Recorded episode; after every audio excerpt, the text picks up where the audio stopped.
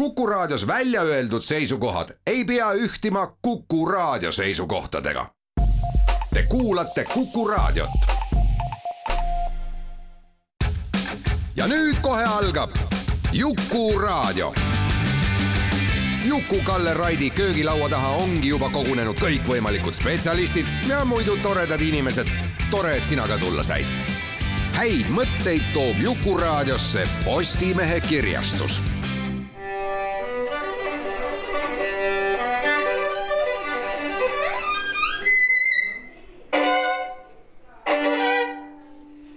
Laku panni. tere, hea Jukuraadio kuulaja ja mõnusat neljapäeva kõikidele. kolmesaja kaheksakümne seitsmes köögilaud on meil täna käsil, see on siis Kuku klubist nagu tavaliselt.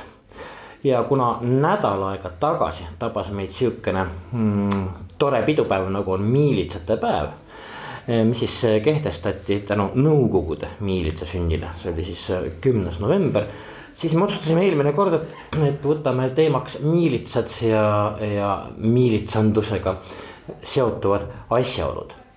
no me eelmine kord keskendusime rohkem ajaloole ja mõtlesime ka selle üle, et kustkohast see miilits äh, sõnana on tulnud, kuna ta nagu kasutusel oli jõudsime küll korraks ainult Peeter Esimeseni, aga ma pean ütlema, et see eelmine saade tekitas kuulajates haiglast huvi. nimelt, et, et saabus igasuguseid täpsustusi, et tõepoolest jah, et see on isegi keskaja lõpul olnud üksused, siis äh, vähe sellest on äh, lisaks Peeter Esimesele on, on miilitsaüksusi peetud ka Ameerikas ja nii edasi, no me ei hakka täna ajalugu täpsustama. aga ma lubasin mm, eelmine kord noh, ütleme, tegin sellise kergekäelise lubaduse, et kutsun siia tõelise raskekaallasest miilitsa Andres Anvelti. ja tema veel seda muuseas ei teadnud, aga siin ta on, tere Andres. tere Juku no mm, kui me nüüd eelmine kord äh, pajatasime jah, et lõppkokkuvõttes, et mismoodi see miilits, kes ta meil siis nüüd on.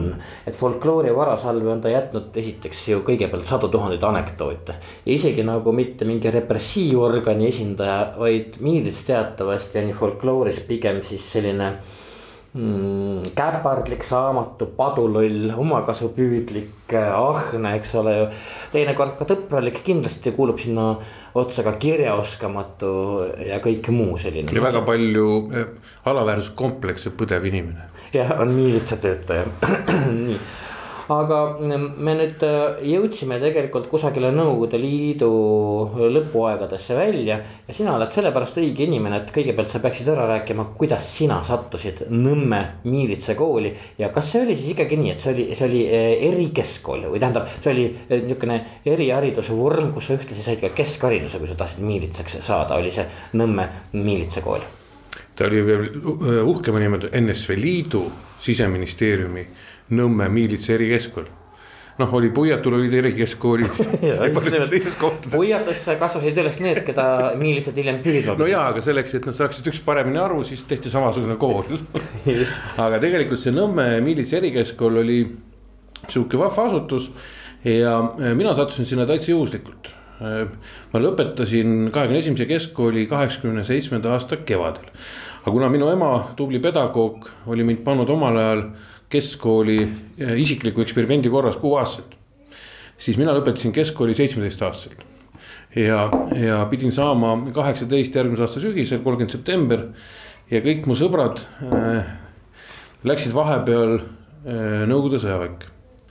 ja ma nägin kõiki ühte probleemi, et nii kui ta sõjaväkke läks, siis pruudid jätsid kõik maha aga mul oli ka mingisugune. algul ei jätnud muuseas, algul no, pandi triiksärke kaasa no,. see oli üldiselt ausalt öeldes, kui ma septembris nägin seda, kuidas sõbrad kirusid sõjaväest, et äh, küll jättis see maha, küll jättis too maha. Ülle ootab, sest no, sittagi ta ootas. ei oota, ma ise nägin ka sõprade pruuti juba kuskil ringi hängimas. ja, ja mul oli ka selline. pruut. pruut, mitte lihtsalt, mul ikka väga paks armastus on, kui öeldakse. ja siis ma mõtlesin, et issand jumal, issand jumal, kui ma nüüd lähen. ma astusin kõigepealt sisse Tallinna Tehnikaülikooli TPI-sse tol ajal autondust õppima isa jälgedes Eh, mis ei olnud üldse minu erialast, tegelikult ma tahtsin ajalugu minna õppima. aga minu vanaisa Richard Majak, eh, kes oli mind ka üles kasvatanud, ka omal ajal oli kunagi sihuke tubli kommunist ja punane, kes siis pärast eh, vangilaagrit pöördus nagu teistpidi. ütles, et ära mine ajalugu õppima, see oli nõukaaeg, et siis pead õppima valetama kogu aeg. ja, ja siis ma mõtlesin, mida teha, läksin sinna Tallinna Polütehnilise Instituuti. ja siis äkki äh, minu ema, kes tundis siseministeeriumi personaliosakonna juhatajat, käisid korraga koos jalutamas. ütles, et kuule, tehakse miilitsakoolis tehakse Eesti Grupp ja sinna saab ilma sõjaväe. see oli siis kaheksakümne seitsmes aasta, kui tehti sinna Eesti grupp, sest tegelikult oli Eesti miilised enne küll, aga eraldi gruppi ei olnud e. e oli, oli. eestikeelne grupp oli siis. see ei olnud eestikeelne grupp, aga... see oli Eesti poiste grupp, seepärast et äh, Vene Nõukogude miilistes ei olnud Eesti poisse üldse. Tallinnas oli vist mõni protsent, viis-kuus protsenti oli eestikeelsed miilitsad. Ja siis tehti see grupp, ma sain sinna sisse siis ma olin nii õnnelik et pruut jätta maha. mäletan sellel päeval, kui ma sisse sain, siis ma olin juba kohe pandi miilitsakooli sinna luku taha Nõmmele. siis ma helistasin sellest kontrollpunktist, mis on KPP-ks nimetati. Helistasin siis pruudile, ütlesin, ma ei lähegi sõjaväkke miilitsakooli, nii kui ta kuulis mu miilitsakooli, astusin ja miilitsaks sain. kohe maha nii et sa tegelikult võitsid ainult geograafiliselt, ütleme niimoodi. ütleme niimoodi ja, aga, aga noh, samas ma ütlen seda, et keegi oleks mulle varem öelnud suvel, et Andres, sa lähed sügisel miilitsasse. siis ma oleks talle tappa andnud, sellepärast et ma olin selleks ajaks jõudnud juba istuda näiteks Leningradi arestimajas kooliekskursiooni ajal äh, Viiburis kooliekskursiooni ajal, kus ma tegin mingit pahandust ja minu üks pahandus näiteks, mispärast ma Tallinnas miilitsasse ikka kongi ei sattunud, oli see, et mäletan oma mõne legendaarse koolivennaga ükskord sattusime õlut jooma ähm, Jaan Anveldi ausamba juurde. no nii, ühesõnaga austasid vanaisa, ütleme väikese napsiga. istusime seal, jõime õlut, kell oli hiline, miilitsa kong sõitis juurde, miilis tormas välja. Tahtsime hakata ära panema juba kongi, siis ma võtsin uhkusega välja Nõukogude Liidu kodaniku passi, ütlesin me siin vanaisaga koos mälestame vanu aegu, ta vaatas passi, passi oli kirjutatud, et Andres Janovitš Anvelt, siis lõi kulpi ja sõitis minema. Aga nii, et jah, see oli siis, kui ma äh, veel isegi kujutanud ette, et ma kunagi sinna meeldisin, aga pärast kokkuvõttes ma arvan, et elu läks huvitavaks nojah, äh, kas miilitsa, kui me siin eelmises saates rääkisime äh, militsionääride ja miilitsaorganisatsiooni ajaloost. Äh, kuivõrd palju sellest räägiti kangelaslikust näiteks noh, kui me tähistasime kümnendat novembrit, see oli ikkagi tööliste ja talupoegade miilits. mille siis kutsus ellu Lenin, noh varasemalt siis peale seitsmeteistkümnenda aasta veebruarirevolutsiooni oli see rahvamiilits. no see muudeti muidugi kohe ümber ja, selge pilt oli ka, siis oli veel ka Nõukogude Liidus sihukene asi ka eelmises saates sai räägitud, see oli siis nagu vabatahtlik miilits, et iga inimene, kes heaks arvas, võis ju tegelikult esineda miilitsana. see bardakk lõpetati ikka õige mitme aasta pärast, kui kodusõda ohtlikuks läks. sest paljud, paljud isehakanud hakkasid rekvireerima mm -hmm. nii-öelda inimestelt miilitsad tänavalt kasukaid ja kõike muud, mis neil sattus seljas või käes olema sellest muidugi äh, vaielda, noh vaieldamatult ei räägitud. aga kangelaslik organisatsioon kui hästi see selgeks sulle tehti? tead ausalt öeldes eriti ei tehtud, meil räägiti rohkem sellistest asjadest nagu sotsialistlik seaduslikkus. miilitsa ajaloost räägiti nii palju, kui et äh, seintel näiteks Lenini nurgakeses oli ka Dzeržinski pilt Äh, seda loeti ikka, kuigi ta oli, eks ju, tšekist, aga ikkagi oli ta miilitsaga väga seotud. ja ikka.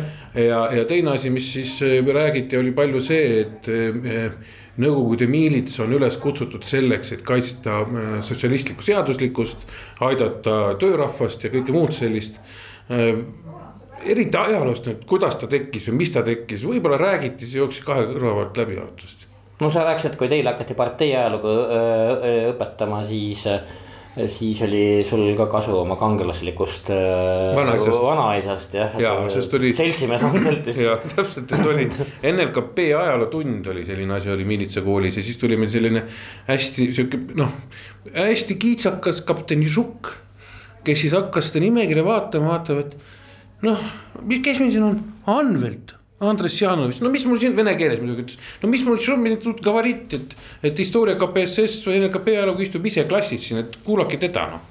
nii et see oli sihuke asi, mis ma mõtlesin, et kõik vaatasid talle mind niimoodi, et noh. miilitsa kapten leidis võimaluse mitte õpetada. aga no miilitsa koolis oli muidugi üks asi oli hea, et meil olid hästi sellised pikad ja igavad tunnid ja siis oli see miilitsa müts oli õudselt hea asi ei, karvane müts. karvane oli siis. ja siis kui talveaeg tuli, siis kõik magasid seal sees ja see müts haises, sest kõik see ila jooksis sinna sisse, mis suust tuli une ja kõigil haises sedimoodi ja teine asi, mis me tegime, oli veel mendi unelaud oli meil.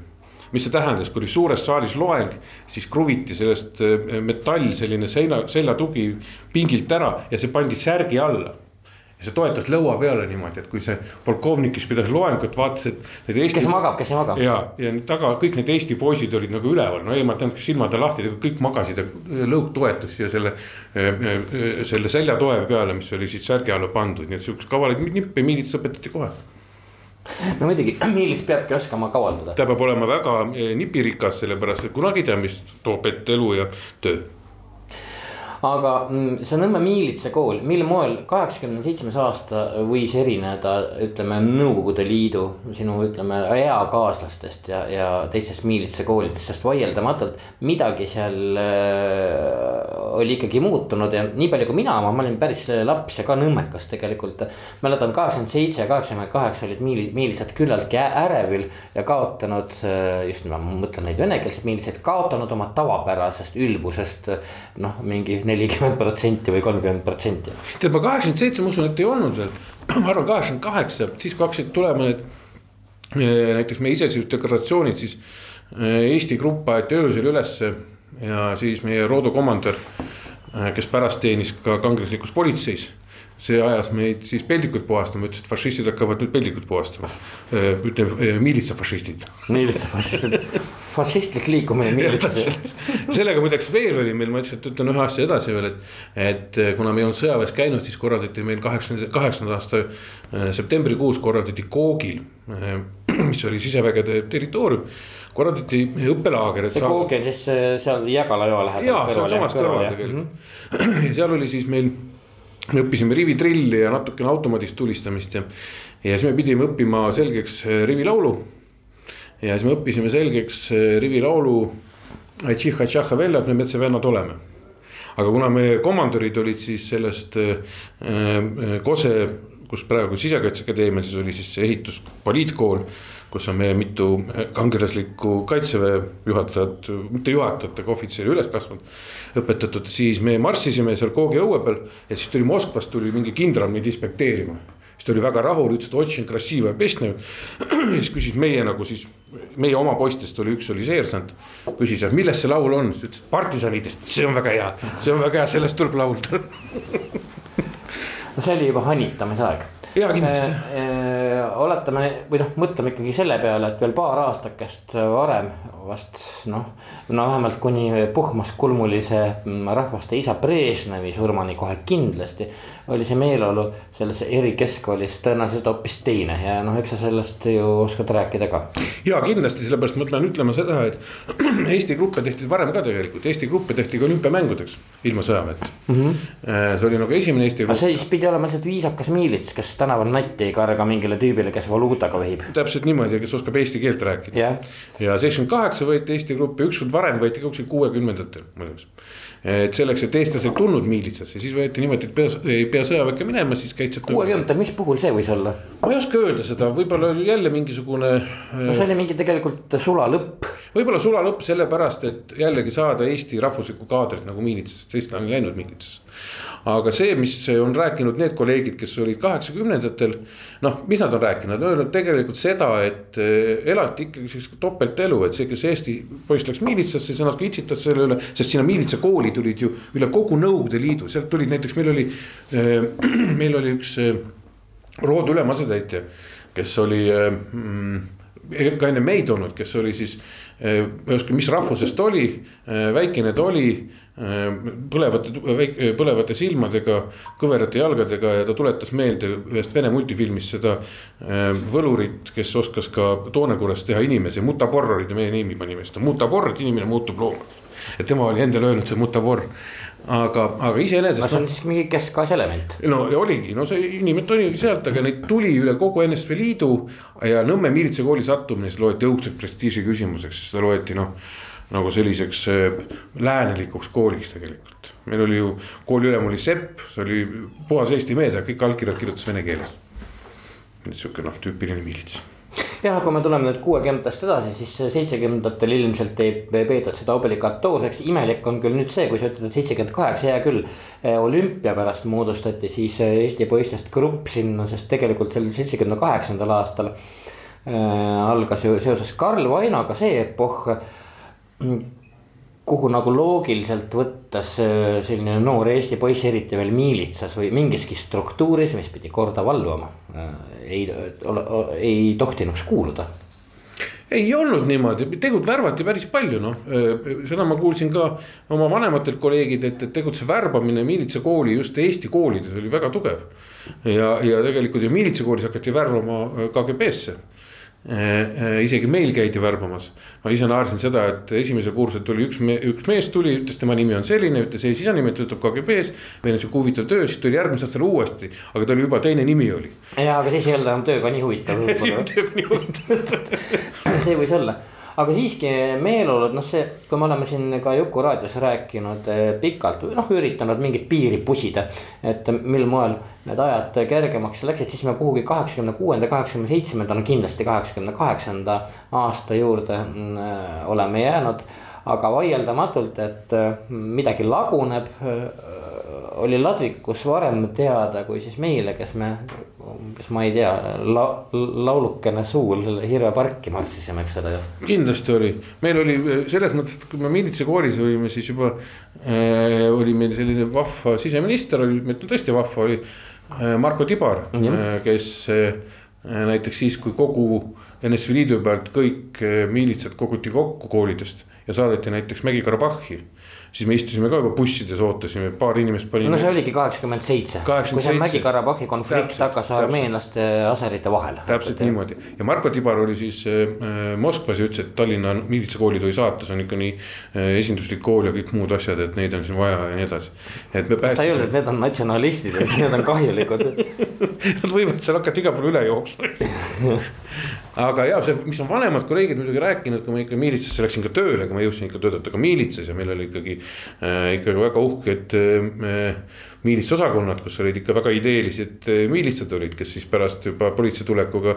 osad jooksid kuhugi Venemaale tagasi ja osad läksid ärisse, osad läksid bandiitideks, see oli väga massiline äh,. siis ikkagi noh, nemad äh, olid ka isegi kaheksakümmend üheksa, kui ma tööle läksin, nad olid ikka väga ideelised no ideelised miilitsaid äh, oli ju ennegi, kaasa arvatud Eesti omad, et eelmise nädala saate lõpul, kes tahab, võib ju üle kuulata. tahaks korraks tulla tagasi, mida ma ka lubasin muuseas, tulla tagasi sellise kirjanikust äh, miilitsa juurde, Rudolf Rimmel, ma lihtsalt tuletan meelde et see tegelane, kelle esimene äh, raamat siis oli siis aastal kuuskümmend neli äh, oligi luulekogu, mille nimi oli Lüüriline miilits.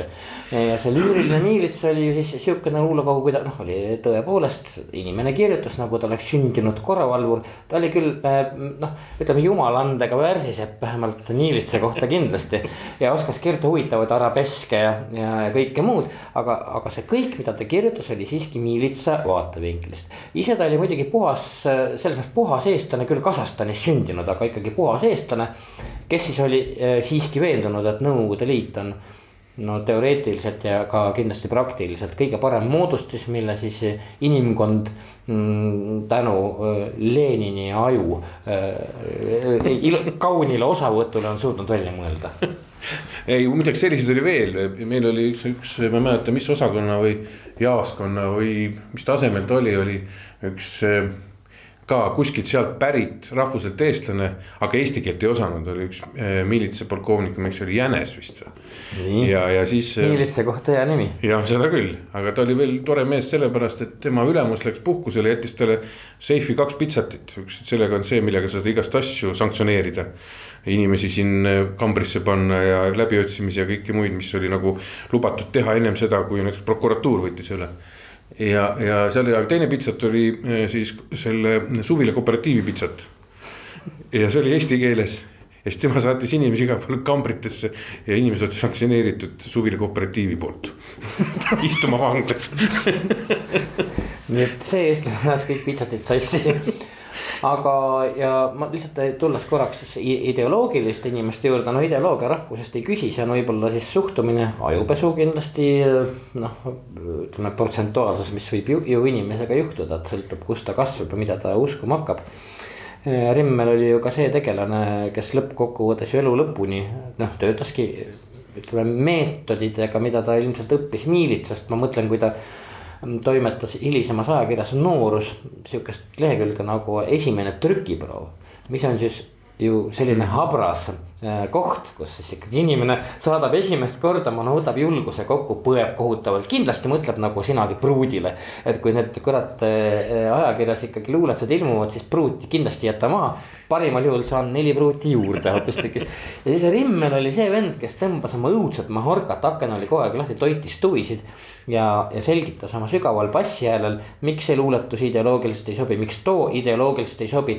ja käskis sõnu ära vahetada, mõtet muundada ja ta oli väga veendunud, et noh, ütleme oma miilitsalikkuse rollis ka kirjanduses. nii et see selles mõttes võib see amet olla ka ju täiesti patoloogiline. no äh, patoloogilised olid selles ametis muideks, äh, kui ma ütlen isegi niimoodi, kui see harilik jaoskonna või osakonna miilits oli noh seal oli huvitavad asjad, näiteks ma tean seda, see oli varasemast ajast näiteks, et miilits ja KGB ei saanud üldse läbi omavahel. et kui miilitsil oli võimalus KGB-lane, kes tänaval tuigerdas panna kainestusmajas, ta tegi seda esimese mõnuga ja saatis kohe telegrammi Moskvasse. et sellepärast korrapidaja saatis telegrammi ja, ja aga selleks, et valvata miilitsate ideoloogilise äh, siis nagu värskuse järgi oli igas osakonnas, igas miilitsa üksuses oli siis selline asi nagu sampoliit. siis, kes oli see ülem asetäitja poliitalal, need olid need, kes siis kontrollisid kontrollisid inimeste loogilist valvsust ja kontrollisid seda, et õhtuti kabinettides ei joodaks. tegi õhtul sellise patrullringi näiteks mööda maja. ja meil, kui ma läksin tööle siiasamasse kõrvale, kus me istume sinu köögis siin. on Pärnu maantee üksteist, mis oli Leeni rajooni miilits, kus oli mu esimene töö. ma olen seal istunud. no vot, mina olen sinna inimesi istuma pannud. ja sina ei ole mind istuma pannud, ma ei, aga kurat, võib-olla oled ka, aga ma just istusin mõnevõrra hiljem. aga mul oli jah see asi seal, ma mäletan, ma olin ma olin nagu ükskord, ma ei oska öelda, mis see põhjus oli, ärkasin kabinetis või kas ma olin valves või oli mingi muu asi ja siis ma läksin hommikul, siis pidi miilits püstoli ära andma, sest ega kunagi ei teadnud, mida miilits teeb püstoliga vabal ajal, eks.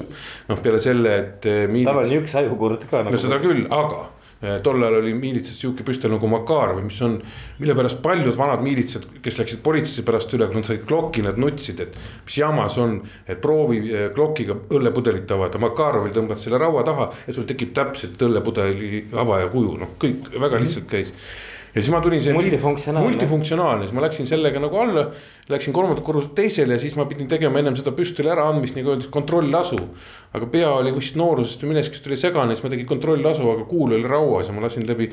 Sampoliidi kabineti ukse, tema istus oma kabinetis ja siis kuhugi tema Lenini pildi kohale lakk siis ta jooksis närvist näost valge ja mina ütlesin, ma tegin kontrollasu, läks mööda või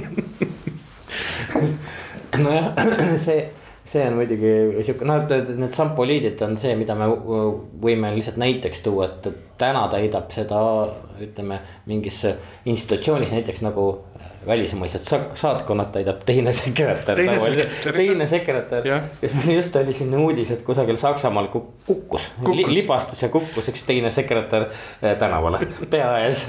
Nagu, aga jah, et selles mõttes need äh, kuidas ma ütlen, see noorel Eesti poisil seal miilitsas, ega me olime ka ikkagi päris pull oli see, et, et üks asi, mida tegime kohe, kui me saime kätte Furaška esimese, äh, siis. see on see, mida tuli kuklasse lükata nagu. ei, me kandsime teistmoodi, me tegime. Teie kandsite teistmoodi, aga enamasti meil on miilitsa arhetüüp ikka jäädvustanud, Furaška on kuklas ülbelt. aga nüüd ma seletan, kuidas näiteks Tallinna tänavapildisuses vahet teha, mis on siis äh, ütleme vene rahvusest või ütleme sealt kuskilt ida poolt tulnud miilits. ja kes siis oli Eesti miilits, siis Eesti miilits oli see, kes võttis Furaška, äh, käänas ta niimoodi kokku, peksis vastu põlve ja siis tulemus oli nagu selline Äh, kõrge nokatsiga müts, mis tuletas meelde mingi SS-lase sihukest furaškat. siis käidi mööda tänavat, see oli silmade peal täpselt, see oli karmi näoga niimoodi. ja kindlasti pidi äh, need kalifeed jalga panema, sest need siis sihukeste mulje võtta ja, kirsad pidi olema hästi läikivad, see oli. see oli, mis oli hästi uhke tunne, kui käisid niimoodi ringi. eriti kui sattusid kuhugi näiteks Nõmme, Nõmme miilitsakooli akende taga, kes vene tüdrukud kogu aeg käisid. nagu seal piilumas ikka, piilumas ikka, siis tulid välja sealt uhke näoga niimoodi, sihuke furaška oli, läikivad saapad, siis olid ja portupee pidi ka kõik läikima see oli väga uhke tunne kas needsamad Eesti poisid, sest et see oli hooaeg, kui sina läksid, okei okay,, sina vist olid esmakursuselane, ma ei, ei tea, kuidas linna peale saadeti, kohe saime teada. aga see oli täpselt see aeg, kui äh, kõikvõimalikke üksusi paari kaupa, mõnikord ka bussiga saadeti näiteks kas kohvik Moskva ette, Plaadimäele. Või ükskõik kuhu, kus ilmnes mingi sihukene sotsiaalselt ebaterve nähtus koondnimega punkarid. kellest muuseas noh, punkareid võib-olla oli, no mina kurat ei tea, heal juhul viis protsenti, kes. või lihtsalt näiteks saadeti ka meid, kahekümne neljandal veebruaril saadeti meid kalmistule küünlaid kustutama siis te ühesõnaga pidite küüned ära puhuma. ja, aga varjatult me, mina käisin Liiva kalmistul ja seal oli raudteelasõidu putka. ja seal me kogunesime kohe, kui meid bussist välja lasti, kogunesime sinna kokku. keegi käis poes ja istusime hommikuni eh, toreda proua juures, kes lasi seda šlagbaumi üles-alla ja, ja võtsime seal viina rahulikult ja siis hommikul, kui buss tuli järgi, siis sõitsime minema, ütlesime ühtegi küünalt ei olnud.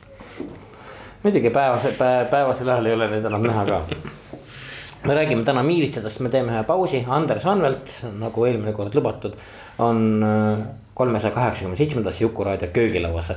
me jõuame järgmises pooles, ma arvan ka no paratamatu osani äh, miilitsate hmm, folkloorist. ma mõtlen folkloorist jah, või miilitsate, ütleme kuvandist, äh, mille, mille miilitsa organisatsioon on on siis äh, inimeste pähe jätnud, need on need igasugused anekdoodid ja, ja, ja, ja, ja kõik muu selline äh, naljakas. et tuleme veidi aja pärast tagasi, me läheme, võtame ühe kujutame ette, et me oleme seal muti juures ja võtame ühe asja ja teed, teed kallake ka endale midagi. Te olete Kuku Raadio lainel ja kuulate Jukuraadiot. häid mõtteid toob Jukuraadiosse Postimehe kirjastus jätkame Jukuraadio kolmesaja kaheksakümne seitsmendat saadet, me räägime miilitsatest, kohal on Andres Anvelt, nagu eelmine nädal lubatud. ja kui me tegime siin väikese pausi, mina ei tea küll, mis teie tegite, aga mina sain teada, et miilitsate juures oli mm, selline lendlause, et juua tuleb nii, et hommikul tahad jäätist. täpselt niimoodi see on, et pohmell peab olema nii kõva, et sa hommikul värised, ei taha midagi peale võtta, aga pead jäätist sööma et see on väga, väga okei okay selles suhtes, no miilitsad, kui me lubasime, et me natuke kandume folkloori ka, siis me teame, et. et see sõna ment, mis, mida siis miilitsad ju ise ei registreerinud, vähemalt sinu ajal enam mingi sõimusõnana. ehkki irooniline aspekt imbus sinna noh, nagu me eelmine kord ka rääkisime, Potapovi, see on üks folklorist tuhande üheksasaja kahekümne seitsmendal aastal, mil ta siis oletas, et see on siis nagu ladina keele tähendab, ütleme poola keele segu, mis on siis seaduslik või sõjaväelisus ja siis ladina keele sõnas mentula, mis on munn. ega peenis, et munni ja sõjaväelise vahel midagi. aga meeste jaoks on ikka hea toostada, nagu me tegime ikkagi omal ajal oli Zamentov.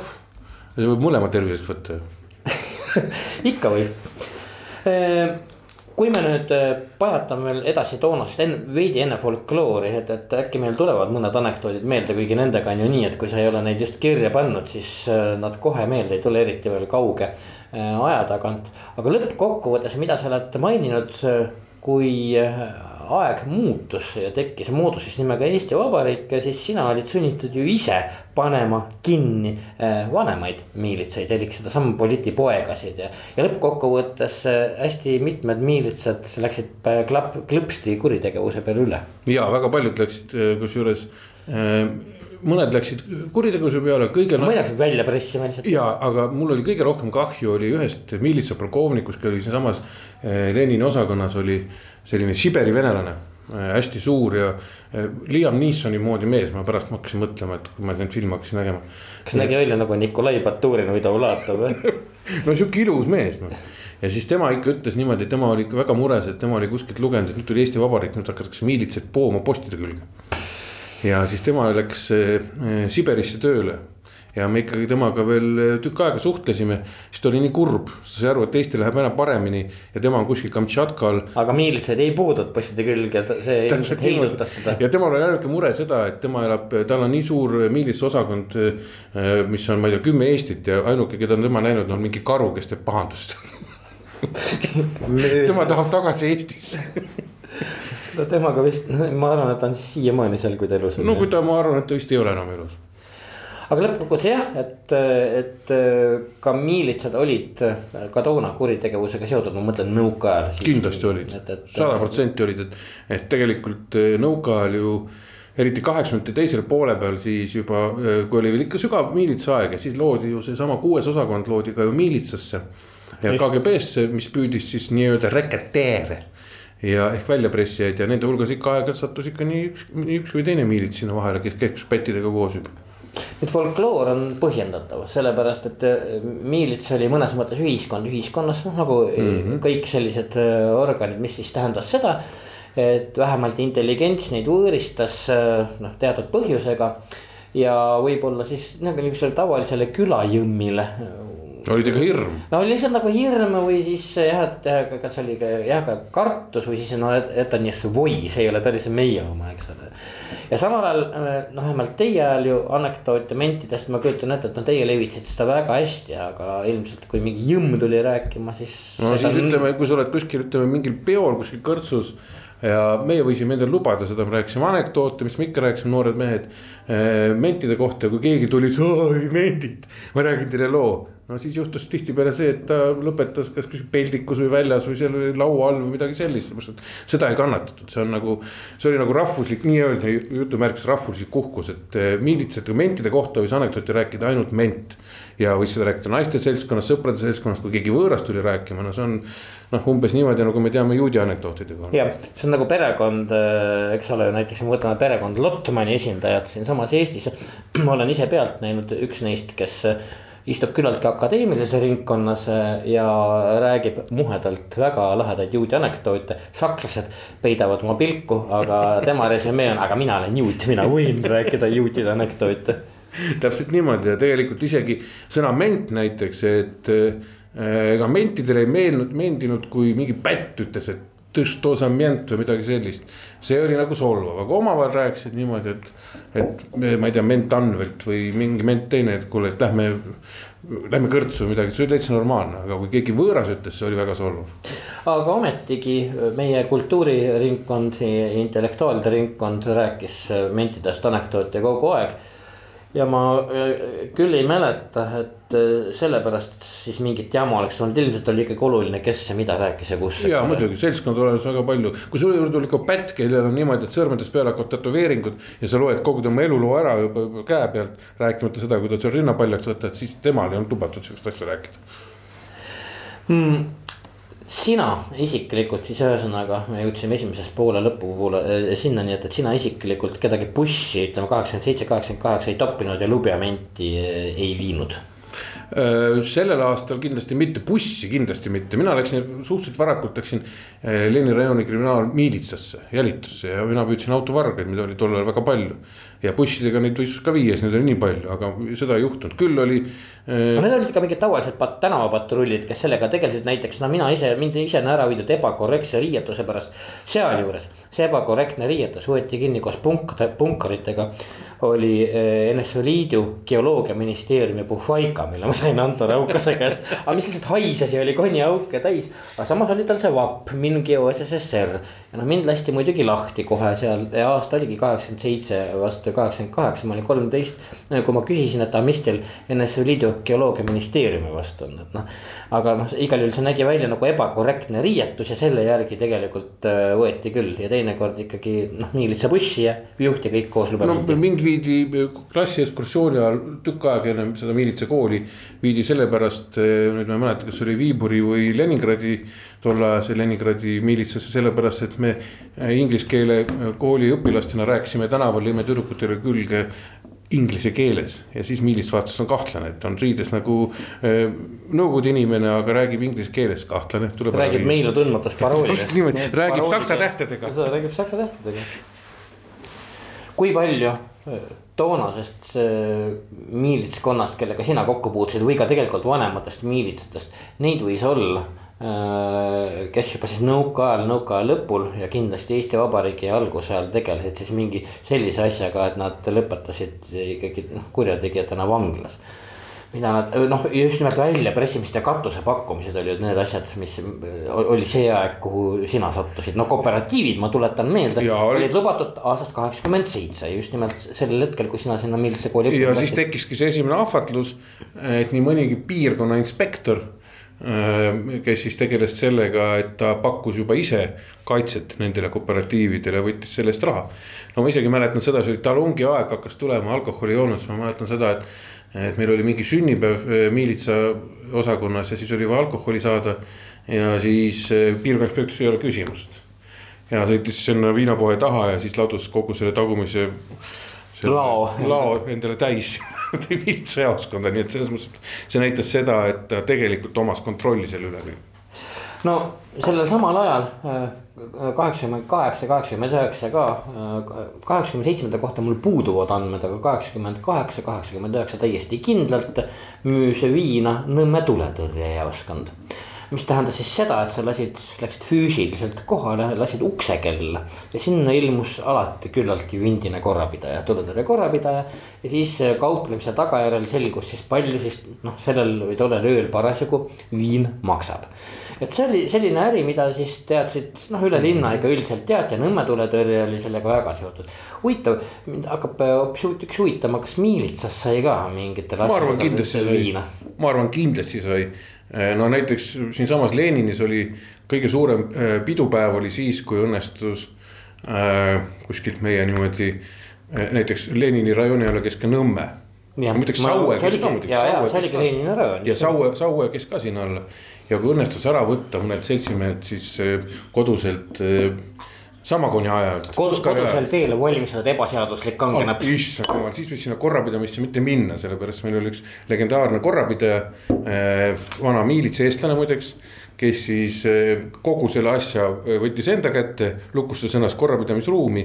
ja andis aknast need püstolid välja inimestele, kes läksid tööle.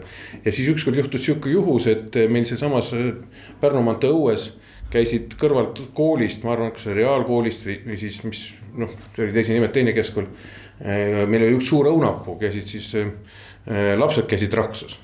ja siis see miilitsa korrapidaja tormas välja ja tahtis lapsi hirmutada, tal oli automaat käes. aga ta oli ikkagi päris segane, siis ta tõmbas äh, automaadist valangu õhku ja aga puu otsast ei kukkunud mitte alla mitte poisid hirmunult. ei õunad ju? ei, kukkus alla miilitsa korrapidamise autojuht ja, ja valveinspektor, kes oli läinud õunte järgi, siis nendel oli vaja seda õunu võtta viina võtmise kõrvale. ja siis nemad ütlesid ära, täpselt, et neid lastakse, nii et see oli nagu no üks asi ja. ja teine asi oli muidugi see, et eh, ka vaprad, eriti vanemad miilitsaohvitserid läksid ise vastu hommikut kainestusmaja, mis oli siis eh, siin Lenini õues või Pärnu maantee üksteist õues, läksid ise magama sinna, nii et kohad olid täis. omad inimesed, omad joped magasid omad joped magasid ees. kui me räägime, sa just mainisid, et ütleme selline miilitsa noh, rahvustunnus või, või, või ametitunnus või nimetame seda, kuidas äh, tahad. antropoloogiline aukood, eks et ei lubanud äh, paljudel inimestel mentide üle nalja teha, umbes samal ajal me Merkaga koostasime mina olen ikka õige väike, kolmeteistaastane, sihukest asja nagu mentide sõnastik. huvitav, ma loen sulle paar tükki ette ja mõtle, kas sellel ajal oleks äh, kedagi miilitsatöötajatest, aga see on muuseas äh, äh, mentide sõnastik elik miilitsatöötajate välimääraja et see on akadeemiline, see on tähestiku järgi, see on, see on, siis on kõik on kõik okei okay., näiteks aliment. see on siis selle välimääraja järgi moslemist miilitsatöötaja argument on argpüksist miilitsatöötaja. dementne on nõrgamõistuslik miilitsatöötaja. ferment on võmmihakatis, noh millest tuleb ka siis fermentaarium, see on siis miilitsakool. ja seda ma ei teadnud, oleks ma siis teadnud no. no, Tallinna miilitsa erifermentaarium. E, erifermentaarium, Tallinna miilitsa erifermentaarium, selle, selle lugupeetud akadeemilise sõnastiku kohaselt, aga justament on alati kõigega nõustuv miilitsatöötaja, noh. tundsin neid väga palju. no just, siis Clementiin, selle noh, see on siis Tiina naisment Neid oli vähe, aga neid oli juhtus neid meesmentidest Clementiinideks, võib siis nagu öelda.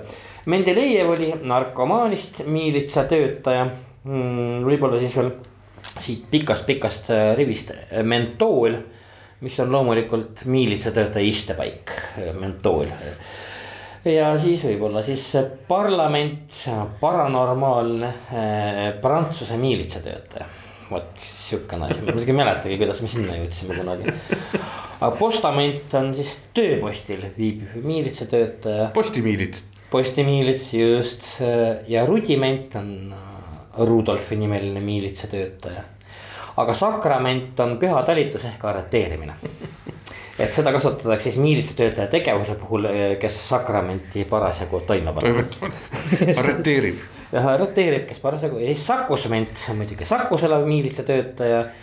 tagument muidugi mm, rivi lõpus seisev miilitsatöötaja ja võib-olla siit paar tükki veel, mis siin. no vundament. no vundament on maa alla mõeldud miilitsa. mina ütleks seda, minu meelest rohkem vundament sobiks näiteks varitsuses lamav või varitsusse kaevatud miilitsatöötaja, kes.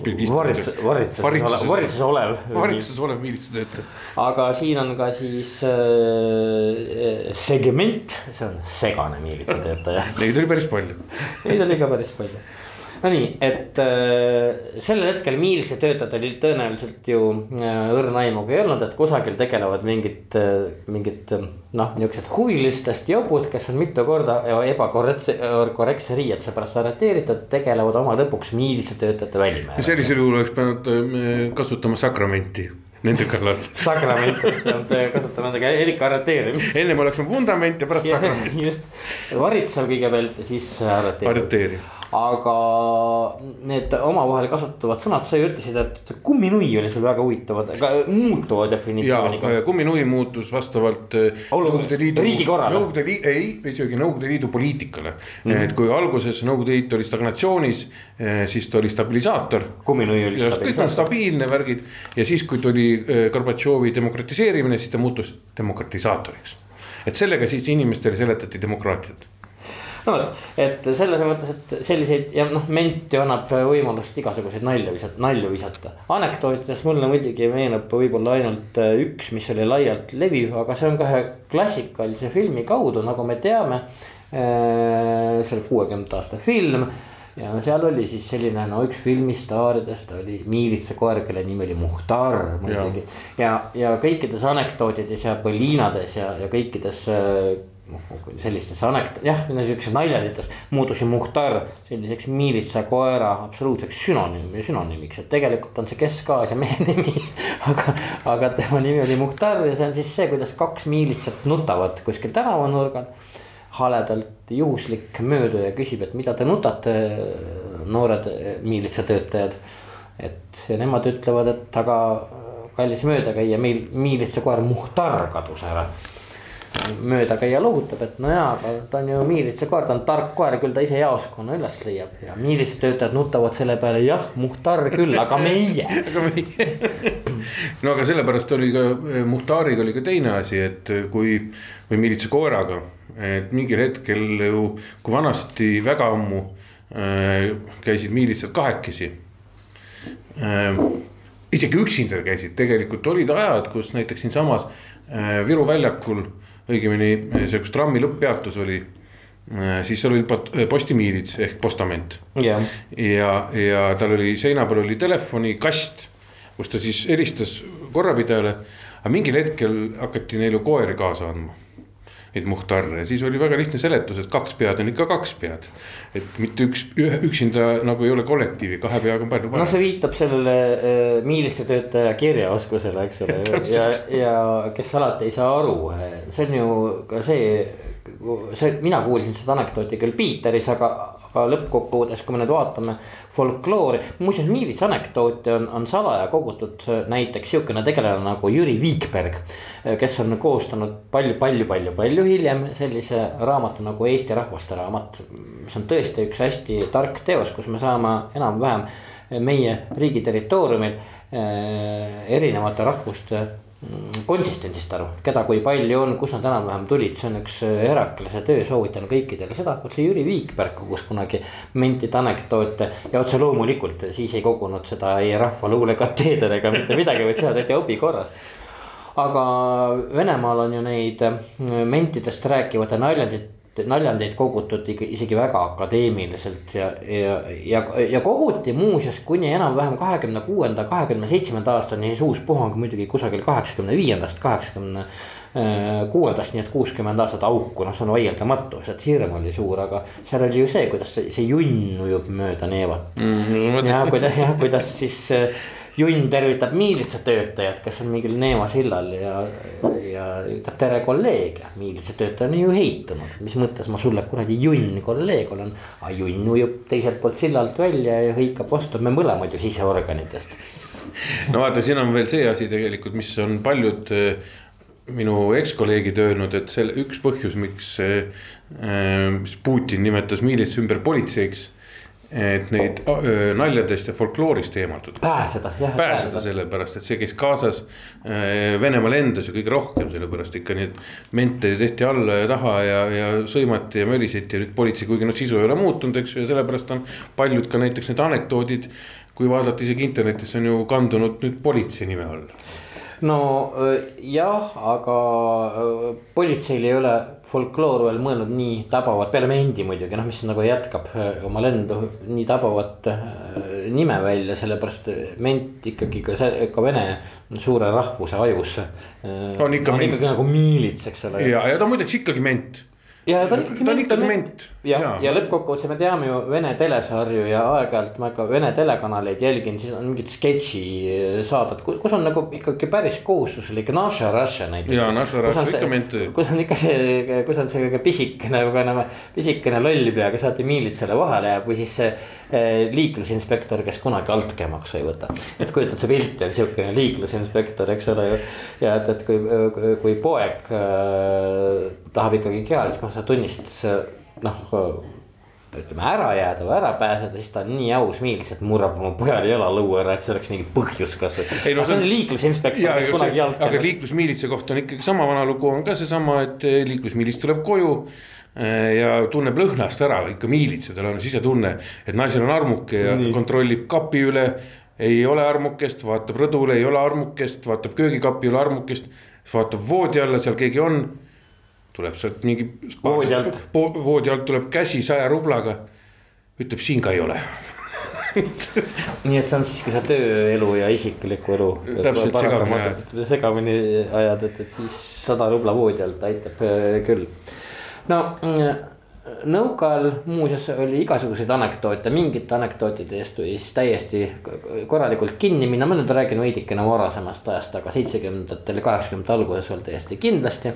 et see oli siis, sõltus hierarhiast, keda sa parasjagu ründad mm. -hmm. ja ütleme, kui sa nüüd avalikult bussijaamast, bussijaamas ikkagi Brežnevit hakkasid tönkama, siis see ei pruukinud või kusagil restoraanis.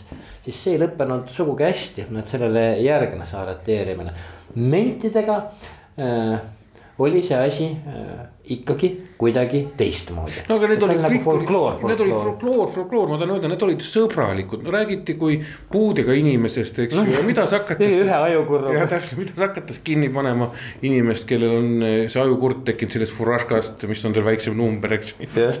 nii et seda selle eest ei noh, see on, sa ei saa, see on väga heatahtlik ja sõbralik. see näitas seda eh,, nagu mulle üks kolleeg kunagi ütles, et neid armastatakse jah, mis muidugi vastas ebatõele, ma siis vaatan veel seda miilitsa töötajate välimäära, et, et see jäi ette lugemata enne, arva ära, mis on pigment.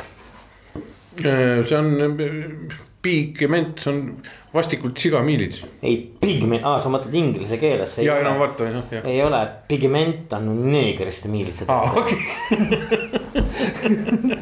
Inglisekeelseid vastajaid. huvitav, kas neid oli eh, Nõukogude Liidus? ei, no aga nad ei pruugi olla, sellepärast meil olid sõbralikud Aafrika riigid, kus muuseas olid ka miilitsaüksused. ja kindlasti. pigment oli kindlasti. ma arvan, nii mõneski Aafrika riigis võis olla ka miilits, täitsa selles mõttes korrakaitsja jah, ja siis mentor muidugi eriti juhtiv miilitsatöötaja ah,. mina mõtlesin, see on poliitikutel oli kunagi siin mentorid Keskerakonnas.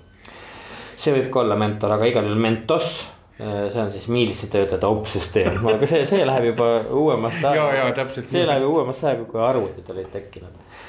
Ehm, sa ütlesid, meil on nagu paar mintsi aega selle saate lõpetamiseks, et sa ütlesid, et, et see äh, kummaline valik, kuidas sa sattusid, noh äh, sinna Nõmme miilitsa erikeskkooli, kui teised sattusid Puiatusse, sattusid sa sinna erikeskkooli. et see oli küllaltki lõbus aeg, no kaheksakümmend seitse, kaheksakümmend kaheksa takkajärge vaadates võiski olla lõbus aeg, kui me teadnuks, et Nõukogude Liit ära lõpeb, aga me ei teadnud. Ma arvan, et sina ka ei teadnud kaheksakümmend seitse. ma ütlen kaheksakümmend seitse, võib-olla ei olnud niimoodi, kaheksakümmend kaheksa oli see täitsa teine juba. Ja no kuule, siis läksid juba ajad täitsa teistsuguseks. Ja see muideks mõjutas väga palju ka seda, et eh, need paljud eh, vanad tegijad juba hakkasid sinna kooperatiivi poole vaatama ja mingeid katuseid tegema, kõik muud sellist. Eh, nii et see näitas seda, et muutused on tulemas, mis määral, kui suured, selles muidugi paljud veel kahtlesid. Mis siis, aga mis ta, mida tähendab see lööklause, ükskord ment, igavesti ment, vaata seda öeldakse hästi mitmete elukutsete kohta. Ja see on lihtsalt see, et eh, kui sa tänaval käid ja suitsu põlema paned, siis näiteks üks asi on see, et sa kunagi ei pane suitsu põlema niimoodi, et seda oleks eemalt näha. sa paned teise käe ette, et seda ei oleks, sa oled valitsuses ju. Näiteks, et vaenlane ei näe, et sa paned suitsu põlema. Ja siis tõmbad peopesas seda suitsu, et sa oled täielikult pimedas, see on valitsuse. see on seal alles veel või? ja muidugi sada protsenti, see ei jää mitte kunagi ja teine asi on näiteks see, et eh, kui ma lähen restorani praegugi, ma istun siin sinu köögis. Kuku klubis, no see on kõik. no vot niimoodi ja ma pean kogu aeg jälgima ust. kogu aeg vaenlane sisse. aga siin on teine uks ka märkasid. seda mul on, istun täpselt niimoodi, et üks silm on teisele poole, vaata, ma olen kõõrt juba ja, ja kolmas asi on kindlasti see, et äh, ma no ma ei saa päris niimoodi öelda, aga ma ikkagi igas inimeses vaatan sind ka, kahtlustan kui potentsiaalsed kurjategijad see oli nali. mõistlik, see on hea nali ja ma loodan, et sa kahtlustad ka igat kuulajat kui potentsiaalset kurjategijat, sellepärast selle julgustava. selle kohta ei, ma pean ütlema ühe asja veel, see on ennem kui me lõpetame, on see väga lihtne vana reegel. see, et te vabaduses olete, ei ole see... mitte teie teene, aga meie tegevusetus. see on teie eksitus. ei, tegevusetus. tegevusetus aga igal juhul Andres Anvelt, Anvelt, aitäh sulle, et sa viitsisid miilitsatest rääkida, me tegime siis kogemata äh, kaks osa miilitsatest, aga need olid täitsa lustlikud rääkimised. Äh, see oli kolmesaja kurat, ma ei mäleta. kaheksakümne seitsmes. kaheksakümne seitsmes, sõnad sul on meeles aga järgmine kord on meil siin David Jevsejev ja Anu Lamp ja ma luban, et järgmine kord me tõenäoliselt miilitsatest ei räägi. Äh, aga kurat, seda Vsejevet teab, eks ole ju, et millest tema rääk-, rääkima päris hakkab. Andres, suur aitäh, et sa viitsisid tulla. aitäh, et kutsusid. Äh, ja võtame siis ühe klõmaka viina ja teeme seda nii, et hommikul oleks vaja jäätist süüa. teeme nii